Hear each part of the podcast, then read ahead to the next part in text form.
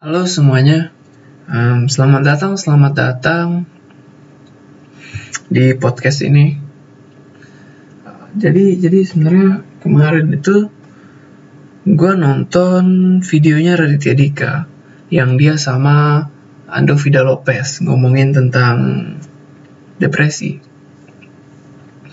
Ketika Dovi me menceritakan bahwa dia dia mengalami depresi, uh, I I really connect to him gitu. Karena yang dia ceritakan, depresi yang dia rasakan itu sangat mirip uh, ciri-cirinya dengan depresi yang gue rasakan waktu itu juga.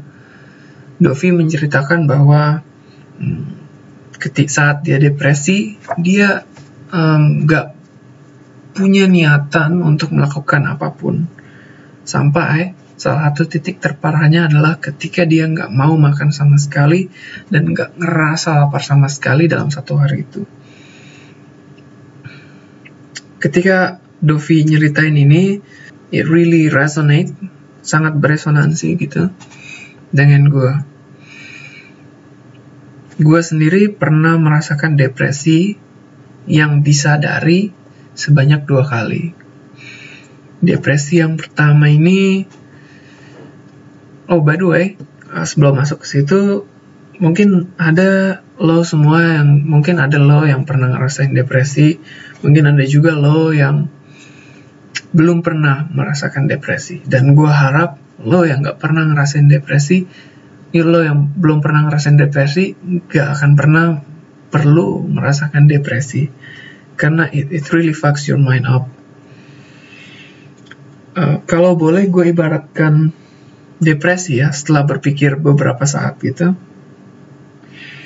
Depresi itu diibaratkan kayak lo berada di suatu padang pasir saat gelap dan ada ini ini state-nya lo sendirian ya. Lo sendirian di padang pasir saat gelap dan tiba-tiba uh, ada satu makhluk datang untuk menangkap lo dan memenjarakan lo di suatu penjara. Uh, maksud gue berdiri di padang pasir itu adalah jiwa sebenarnya.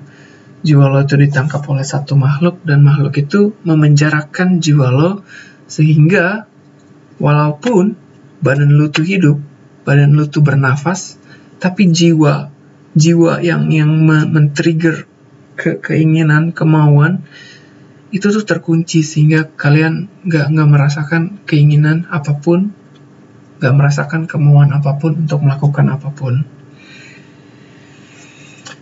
Kenapa gue berani bilang kalau pernah secara sadar merasakan dua kali depresi? Walaupun gue sendiri nggak pernah langsung ke psikiater gitu untuk untuk untuk di record untuk dinyatakan bahwa iya benar gue terkena depresi. Uh, but but I feel this way merasakan state of depression itu pertama kali uh, makhluk ini menyerang adalah saat gue lulus SMA. Jadi bagi kalian yang mungkin udah dengerin episode 1 bakal tau lah bahwa uh, gue ngulang dan gue nunggu sampai 2 tahun untuk bisa masuk di UI. Saat gue lulus SMA itu umur 17 tahun, rencana awalnya adalah untuk belajar bahasa Mandarin ke Beijing. Cuma setelah beberapa bulan sebelum gue ke Beijing, uh, akhirnya gue mutusin ke orang tua bahwa gue nggak mau ke Beijing. Maunya belajar ilmu kedokteran di Indonesia yang pastinya. Waktu waktu orang tua dengar itu, tentunya mereka kaget dong. Udah disiapin matang-matang dari tahun sebelumnya, udah dilesin bahasa Mandarin sama guru tutor yang datang tiap minggu ke rumah tapi tiba-tiba plan ini berubah gitu loh. Kaget ada ada ada perubahan uh, rencana. Tapi Indian orang tua akhirnya suportif juga untuk gue ngambil kuliah kedokteran di Indonesia. Nah saat pengumuman SBMPTN keluar jadi gue milih uh, kedokteran itu uh, pertama kalau nggak salah Udayana kedua itu Universitas Sudirman yang di yang di Makassar. Uh, ketiga itu di UPN kalau nggak salah ya. Udah lupa sih udah tiga tahun yang lalu kan.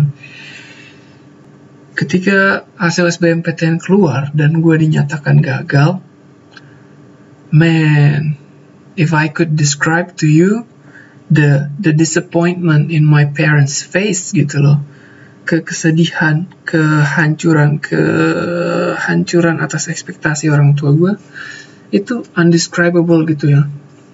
Yang mereka kayak, ah kamu gimana sih bar? Udah ngebuang waktu satu tahun ekstra supaya bisa kuliah di kedokteran dan mama papa udah lesin kamu di bimbel yang top.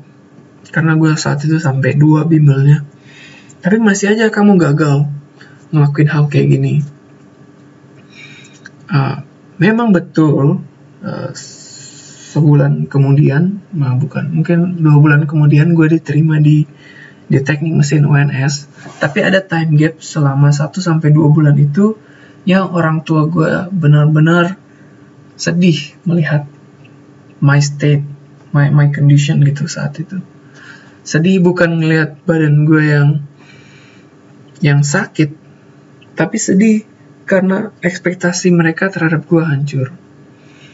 Nah, gue pribadi merasakan merasakan hal itu berkali-kali lipat gitu.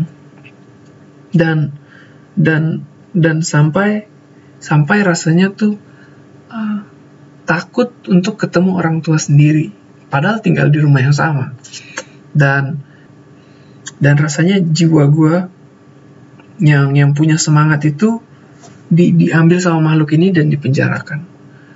Makhluk di sini maksud gue adalah uh, bisa apa aja. Orang-orang depresi itu um, punya makhluknya beda-beda. Kalau gue kekecewaan orang tua itu menjadi sebuah makhluk diibaratkan sebuah makhluk yang memenjarakan. Nah, saat depresi ini, state state of depression ini, ketika ketika bangun gitu ya, rasanya nggak mau ngapa-ngapain. Orang tua udah nggak peduli lah. Waktu itu bukan nggak peduli ya. Um, orang tua juga sibuk waktu itu. Dan dan nggak ada yang nggak ada papa atau mama yang yang di sana untuk menjelaskan bahwa mereka tetap support ke gue at least that's in my point of view saat itu. Untungnya saat depresi ada nenek nenek jadi tinggal satu rumah dengan kami. Uh, nenek di situ gue panggilan ini Nini selalu ada di di samping gue karena waktu itu musimnya liburan. Jadi gue nggak sekolah dan gue nggak ke mana-mana hanya di rumah aja. Waktu itu fokus untuk belajar. Nini selalu ada di rumah dan when I'm when I'm really depressed gitu dan nggak mau keluar kamar kadang ini akan masuk kamar bilang, hey Barley bangun dong. Dan gue dengan yang saat itu hanya tiduran doang dan nggak mau ngapa-ngapain, akhirnya bangun. Walaupun bangun hanya pindah ke, ke kamar Nini. Ke kam jadi Nini karena udah tua kamarnya di lantai satu. Gue hanya pindah ke kamar Nini dan gue akan tidur lagi di kamar Nini. Nini akan Nini akan selalu ada di kamar itu. Nggak selalu sih most of the time gitu Nini akan ada di kamar itu dia akan nemenin gue dia akan ngelakuin hal apa aja misalnya uh, walaupun gak selalu ngobrol dia akan misalnya hmm, nonton TV di kamar atau dengerin radio di kamar atau kadang motong sayur di kamar. Intinya adalah bahwa Nini ini uh, adalah sosok yang selalu berada di samping gue saat itu. And I think karena hal inilah uh, gue berhasil keluar dari depresi yang pertama ini. Benar kata Raditya Dika di di videonya bahwa dan Jovi di di videonya Raditya Dika bahwa kita saat mengalami state of depression ini harus punya teman, harus punya uh, someone that supports you all the way through gitu Jadi saat dua bulan di sebulan sebulan dua bulan di rumah itu sebelum pengumuman keterima di teknik mesin selalu ada Nini uh, agar fase depresi gue ini nggak I don't know, mungkin ini sadar, mungkin ini nggak sadar ya. Tapi fase depresi gue ini teralleviated, ter, ter, teringankan karena kebera, karena selalu ada Nini di rumah. Nah, fase yang kedua ini jauh-jauh lebih parah. Saat itu mungkin semester 2 atau 3 di UI. Um, tiba-tiba nih satu dalam satu pagi nih jadi gue ada kelas pagi waktu itu masih ingat kelas kalau nggak salah jam 8 atau jam 10 saat gue melek saat gue melek langsung langsung terbesit dari pikiran kayak pek pek pek buat uh, buat apa gue hidup gitu. Kayak se se se, se simple itu buat apa gue hidup tapi thoughts itu berulang berkali-kali. Buat apa gue hidup? Buat apa gue hidup? Buat apa gue hidup? Karena uh, di di main di point of view gue walaupun gue berusaha sama sekuat tenaga pada akhirnya semua ini akan sia-sia. Gak akan ada yang mengingat sosok seorang Barley Joshua Jaya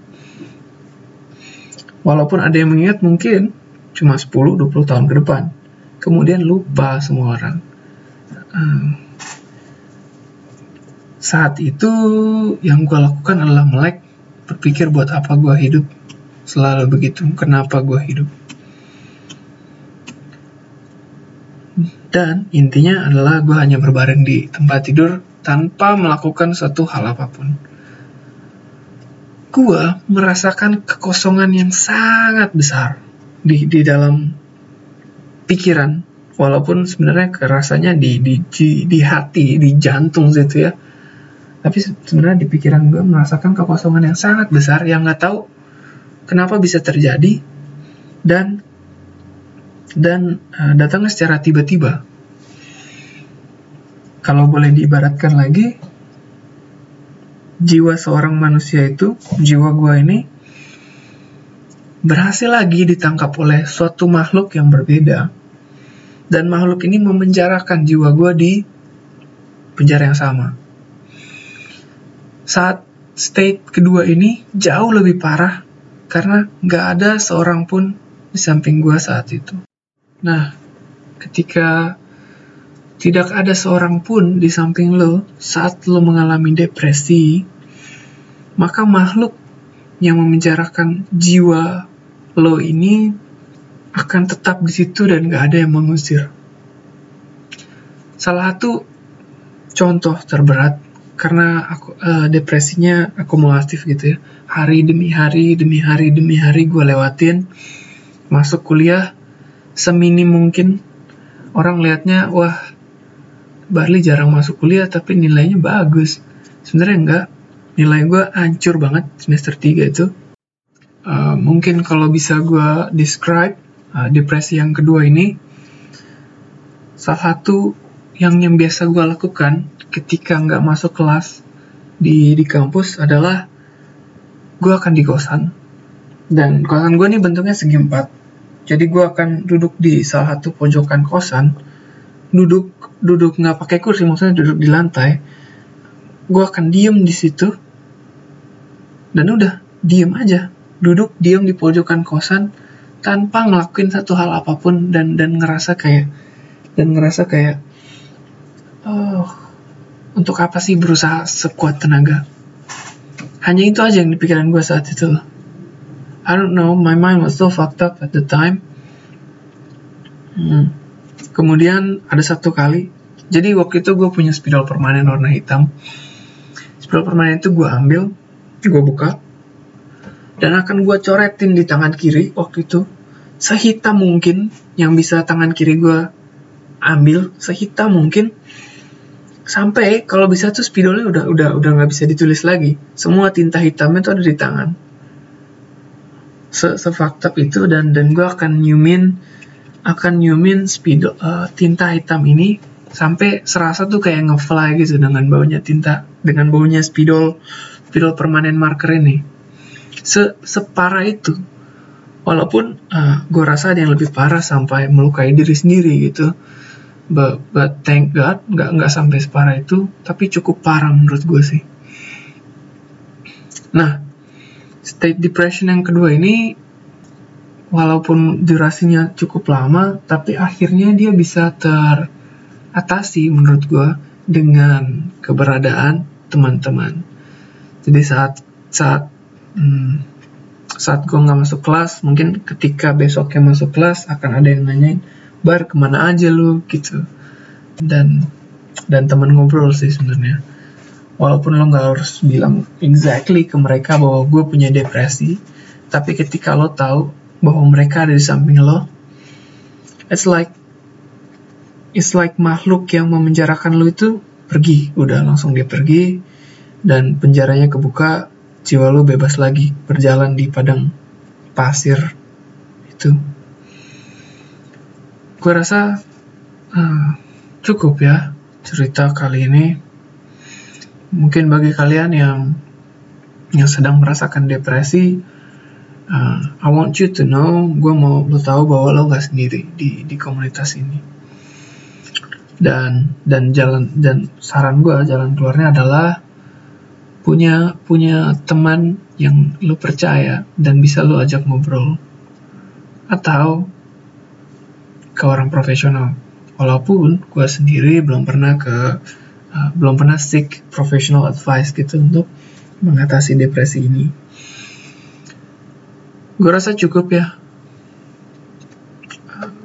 Untuk sharing kali ini di penjara pikiran yang bertopik depresi. Berikutnya akan gue upload-upload lagi beberapa topik tentang penjara pikiran. Playlist mungkin akan dibuat playlist gitu ya tentang penjara pikiran. Dan yang pertama ini adalah tentang depresi. I hope you like it. Kalau kalian mau komen boleh banget langsung langsung DM Instagram boleh uh, Twitter boleh atau bahkan di Anchor sendiri kalian bisa DM gue boleh banget ada beberapa yang yang sering yang bukan sering sih ada beberapa yang pernah nge DM tentang uh, kehidupan mereka, boleh banget, sambil banget. I'm open to that.